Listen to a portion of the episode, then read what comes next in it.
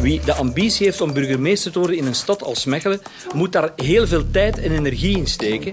En dan is dat dubbel lopen is dan eigenlijk ook nooit correct. Bart Somers wil liever burgemeester zijn dan minister. Wat zit er achter die keuze? Toen mijn zoon een kleuter was, weet ik dat wij tegen elkaar gezegd hebben, Koen en ik, ah, die gaat nooit meer moeten leren rijden, want tegen dat hij een 18 is, die auto's doen alles zelf.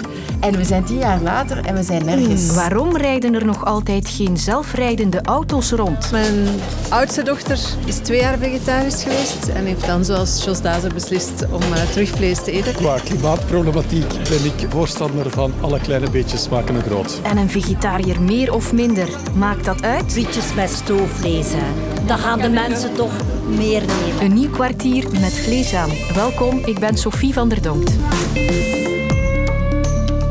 algehele verrassing gisteren bij de collega-politici en bij de politieke watchers. Niemand had het ontslag zien aankomen van Vlaams minister Bart Somers van Open VLD. Ook al beleeft zijn partij moeilijke tijden. Dus waren we bij het kwartier wel benieuwd naar zijn uitleg op een persconferentie. Met Calvo en zo erbij. Het is een collectieve persconferentie. Dat ziet er niet uit dat er een aap uit de mouw of een lijk uit de kast gaat komen. Het is een, lokale partij uh, De fundamentele reden waarom ik die keuze maak, is een keuze uit liefde voor mijn stad, voor Mechelen. Dus dat is de kick-off voor de gemeenteraadsverkiezingen. Waarvoor hij de rit niet kon uitzitten. Nee. Het werk is nooit af in een regering. En de vraag is, ja, is dit een goed moment om te vertrekken? Er is eigenlijk nooit een goed moment om te vertrekken. Maar ik wil nationaal ruimte creëren voor vernieuwing. En lokaal gaan we dat ook doen. En dat gaat uh, Christophe u toelichten. Maar hier gaan wij, die gaan wij afhaken, hè? Ja. Maar de branding is al gemaakt hè, voor de nieuwe ja, lokale dus partij het dan? is niet iets wat gisteravond bedacht is. Nee. Ik denk dat het echt om een heel persoonlijke keuze gaat. En los van de partijnaam Open VLD?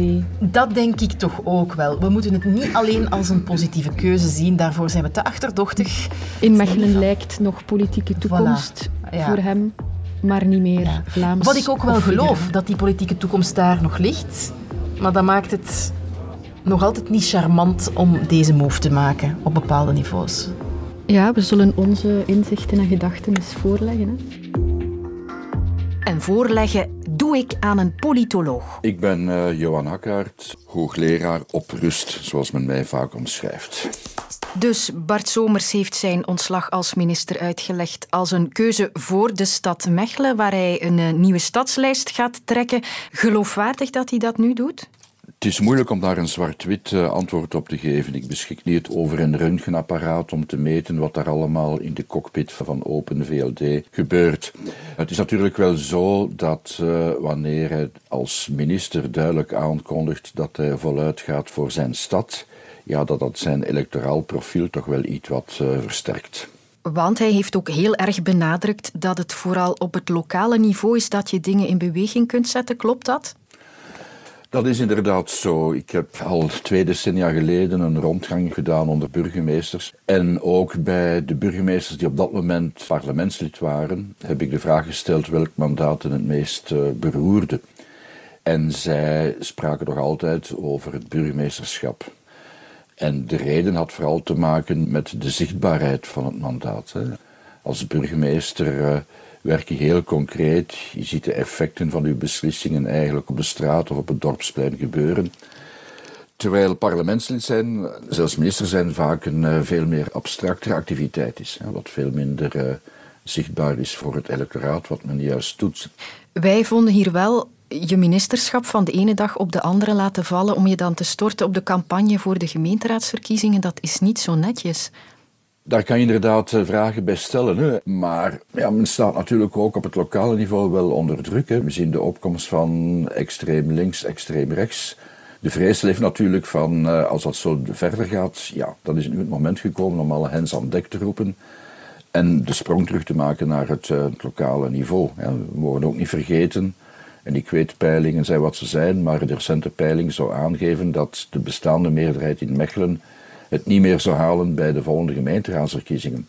Dus als hij dan een minister kan inzetten om het tijd te keren, ja, dan is dat wel een zeer mooi meegenomen. Is dit ook niet persoonlijke carrièreplanning of, of een vlucht vooruit op een moment dat je partij het niet zo goed uh, doet? Die stadslijst is ook losgekoppeld van de naam Open VLD. Uh, wat dat laatste betreft, dat komt nogal vaker voor. Hè. We hebben ook in het verleden gezien dat partijen die het moeilijk hebben in peilingen op landelijk niveau, bij de gemeenteraadsverkiezingen er rap voor gaan uh, opteren om een lokale naam te nemen, om vooral die lokale identiteit te benadrukken en minder te gaan verwijzen naar het landelijke of het nationale profiel van een partij. Of het een vlucht vooruit is, uh, ik denk vooral dat hier de electorale motieven aan het spelen zijn. Hè. Hoe dan ook, dit blijft voor Bart Somers ook een gok zonder garantie op succes. Hè? Zo gaat dat in de politiek. Dat is inderdaad uh, zo en dat wordt eigenlijk prangerder van de ene verkiezing op de andere. Je mag bijvoorbeeld uh, niet vergeten dat tot uh, een paar decennia terug het lokale politieke landschap eigenlijk vrij stabiel was. Dat dit vandaag ook veel minder het geval is. Dat hebben we gemerkt bij de vorige gemeenteraadsverkiezingen. Toen zagen we dat uh, ongeveer ook een derde van de kiezers van de ene partij overstapten naar, naar de andere. Dus het is allemaal veel minder voorspelbaar geworden. En dat zorgt natuurlijk ook voor de politieke stress en uh, een aantal merkwaardige sprongen die we noteren in politieke carrières. Een zelfrijdende auto bij ons op de openbare weg lijkt nog niet voor meteen. Want autobouwer Mercedes krijgt in België geen toestemming om zo'n auto aan te bieden. En dan gaat het over een level 3-wagen. Dat is in feite nog een tussenstap op weg naar volledig autonoom rijden. Die auto houdt de omgeving zelf in de gaten en geeft een signaal als de bestuurder moet overnemen. Op de Terhilsite in Limburg rijden er op een afgesloten domein al shuttles van level 4 rond. Dat is al zonder bestuurder. Je wacht hier aan een bushalte, er komt een leeg busje aangereden. Je stapt daarop, even later uh, stap je aan de volgende halte af en het busje rijdt weer leeg verder. Maar zelfrijdende wagens op de weg zijn dus nog toekomstmuziek. Hoe komt dat? Daarvoor heb ik gebeld met mobiliteitsexpert Tim de Keuning. Je hoorde hem net al als projectmanager van de shuttles in Terhils. Het zijn eigenlijk alle domeinen waar dat nog, uh, waar dat nog werk op is. Hè. Dus uh, enerzijds de veiligheid, die moet uh, nog verder onderzocht en geoptimaliseerd worden. Dus die autonome voertuigen die, die werken zeer goed, maar nog niet perfect. En voordat je dat natuurlijk massaal op de wegen wilt zetten, moet de technologie ja, echt wel quasi perfect zijn, om het zo te zeggen. Veiliger dan een menselijke bestuurder. En dat is toch wel een, een zeer hoge lat om, uh, om te overtreffen. Ook al zijn menselijke bestuurders feilbaar en leidt dat tot ongevallen. Maar er is nog een reden waarom we ons nog niet op grote schaal laten rondrijden door autonome wagens. En het is ook nog een kwestie van maatschappelijk draagvlak. Je ziet vaak van die interviews waaruit blijkt dat bijvoorbeeld 50% van de mensen aangeeft dat zij ja, niet klaar zijn of niet bereid zijn om in een zelfrijdend voertuig te stappen. Anderzijds, bij ons op Ter Hils dan, hebben wij soortgelijke bevragingen ook gedaan bij mensen die dan daar effectief op terrein zijn en die, die, ja, die zelfrijdende busjes ook zien. En dan merk je eigenlijk wel van dat er meteen toch ineens een, een, hoge bereidheid is van de mensen om dat te gebruiken. En een hoog vertrouwen en ook een hoge tevredenheid, omdat ze dan snel vaststellen van ah, oké, eigenlijk werkt dat toch wel, toch wel goed. We voelen ons meteen op ons gemak. En dan is er nog het juridische vraagstuk. Wie is er verantwoordelijk bij een botsing? Jij of de computer in de wagen? Die verantwoordelijkheid ligt dan in feite bij de fabrikant. Want zij zeggen, binnen deze grenzen van het systeem bieden wij volledig autonoom rijden aan.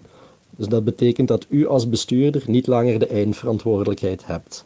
En dat is het grote verschil tussen rijhulpsystemen en autonome systemen. Dus bijvoorbeeld Tesla heeft vandaag wat zij noemen autopilot, maar dat is geen autonoom rijhulpsysteem, omdat die eindverantwoordelijkheid blijft bij de bestuurder liggen. U moet ten allen tijde de eindverantwoordelijkheid behouden en als het systeem een fout maakt, ingrijpen. Dus als er een ongeval gebeurt met dat systeem geactiveerd, blijft u als bestuurder verantwoordelijk en aansprakelijk. Bij autonome voertuigen verschuift die verantwoordelijkheid eigenlijk naar de fabrikant, omdat die garandeert dat in die omstandigheden uw voertuig volledig autonoom en veilig zal functioneren. Maar durven fabrikanten het aan om die verantwoordelijkheid op te nemen? Het blijkt dat bedrijven dat effectief durven. Hè. Dus uh, Mercedes heeft bijvoorbeeld in uh, Duitsland al een autonoom voertuig level 3 op de markt gebracht. Dus een autonoom voertuig dat op bepaalde autosnelwegen bij goed weer en aan beperkte snelheden dat volledig autonoom werkt. Dus waar dat Mercedes eigenlijk zegt van op dat moment mag u als bestuurder het stuur lossen, de ogen van de weg houden. Wij hebben dan de verantwoordelijkheid. Dus die bereidheid blijkt er wel degelijk te zijn, maar het bedrijf moet natuurlijk wel zeer, zeer zeker van zijn stuk zijn voordat ze dat risico durven nemen. Want uiteraard, als blijkt dat er echt problemen zijn en dat tot ongevallen leidt, dan stellen zij zich als bedrijf wel bloot aan aanzienlijke juridische risico's. Zelfrijdende auto's, voor morgen of niet? Tim kijkt nog één keer in zijn glazen bol voor ons. Over 15 jaar zullen mijn kinderen dan nog uh, een rijbewijs gaan halen. Ik denk alleszins niet op een manier gelijk wij het vandaag kennen. Mogelijk in een aangepaste rol of vorm als een soort van operator of uh, fallback optie. Op het menu in de VRT-kantine staat er vandaag dit. Stoofvlees met frietjes en gemengde salade, everzwijnsteek met witloof en pomme dauphine. En zoals elke dag is er ook een vegetarische optie. Ah, vandaag is cannelloni met tomatensaus gegratineerd en mediterraanse groentjes. En die ging vanmiddag vlot over de toog. Goedemiddag, vegetarisch alsjeblieft. Wij eten thuis alle drie vegetarisch omdat dat beter is voor uh, de planeet uiteraard. Dus wij, wij, gaan er wel bewust mee om. Ik wil ook niet zo te, een moraalridder zijn of zo. Maar dat is eerder ja, uit milieuoverwegingen en ook ja, vlees uit een grootkeuken. Dat is niet het soort vlees dat ik dan... Als ik dan een keer vlees zou eten, dan is dat ook niet hier. Milieuoverwegingen. Ik hier op mijn eentje zal niet veel verschil maken. Nee. Daarvoor zal er geen koe minder uh, of meer geslacht worden. Maar een klein steentje kan wel helpen. Vegetarisch eten om het klimaat te redden. Ik hoor dat argument de laatste tijd wel vaker. En ook politicus Jos Dazen van PVDA heeft bijna twintig jaar geen vlees gegeten om die reden. Alleen, Jos is sinds kort vegetariër af. Dat heeft hij gezegd in een kranteninterview en zijn uitspraak gaat nu volop rond op sociale media. Ja, hier staat het. Lees eens voor. Ik ben vegetariër geworden omdat ik het klimaat wou redden. Maar op de duur vraag je je af of je jezelf niet voor de zot houdt. Ik moet vandaag vaststellen dat mijn individueel engagement geen sikke veranderd heeft. Dat hij dan de cijfers niet goed kent, denk ik.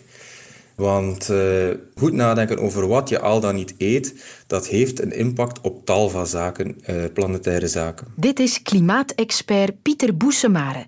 Hij schreef een boek over klimaatacties die echt werken. En ja, Minder vlees eten is er daar één van. Als je berekeningen maakt, dan zie je dat heel de vleesketen instaat voor ongeveer 15% van alle uitstoot wereldwijd. Ongeveer 15%. Stel dat je een uh, vegetariër zou worden, dan kan je 5% afknabbelen van je klimaatafdruk. Door vegetarisch te gaan eten, ga je veganistisch uh, dieet uh, hanteren dan zit je met een vermindering tussen de 6 à 9 procent van je klimaatafdruk. Dat klinkt misschien bescheiden, maar dat is best behoorlijk veel. Als je daar een vergelijking uh, zou tegenover zetten, als je bijvoorbeeld je auto zou wegdoen en alleen nog het openbaar vervoer zou nemen, dan zit je met een vermindering van je gemiddelde klimaatafdruk van ongeveer uh, 15 à 20 procent. Nu heb je natuurlijk vlees en vlees. Er is dat stoofvlees uit de VRT-mes, dat is rund. Collega Margot at vanmiddag een stukje salami, dus varken, bij haar boterham. En ik zou straks wel kip kunnen klaarmaken. Maakt het een verschil? Binnen vleesconsumptie moet je dan vooral gaan kijken naar vlees van herkauwersoorten. Koeien, eh, schapen, geiten. Het eten van bijvoorbeeld kip en zelfs varkensvlees valt relatief wel mee qua klimaatimpact. Maar van het moment dat je aan herkauwersvlees zit, dan gaat het heel snel omhoog. En dat komt omdat herkauwersoorten, zij hebben meerdere magen. En daardoor, eh, op een bepaald moment, heb je een zuurstofarme omgeving en dan krijg je bacteriën die methaan gaan produceren tijdens het verteringsproces. En methaan is een heel krachtig broeikasgas, een uh, heel pak krachtiger dan CO2.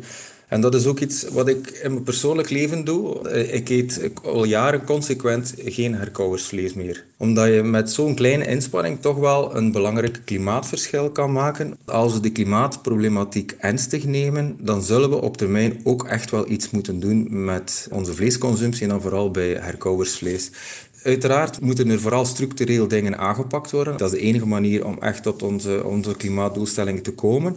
Maar daarnaast hebben we ook iedereen nodig die een deel van de oplossing probeert te zijn. Hè. De grote lijnen moeten goed gezet zijn, maar daarnaast moeten de individuen dan ook nog de juiste keuzes maken. En ik denk dat we, als we goede alternatieven hebben voor vlees, dat mensen ook snel geneigd zullen zijn om af en toe meer alternatieven te nemen en wat minder eh, echt vlees te eten. Maak vooral je eigen keuze. Elke dag het kwartier consumeren kan zeker geen kwaad. Morgen zijn we er weer. Luister ook naar Snapt je mij nu? Onze VRT Nieuwspodcast waarin straffe twintigers praten over hot topics. Nu in de app van VRT Max.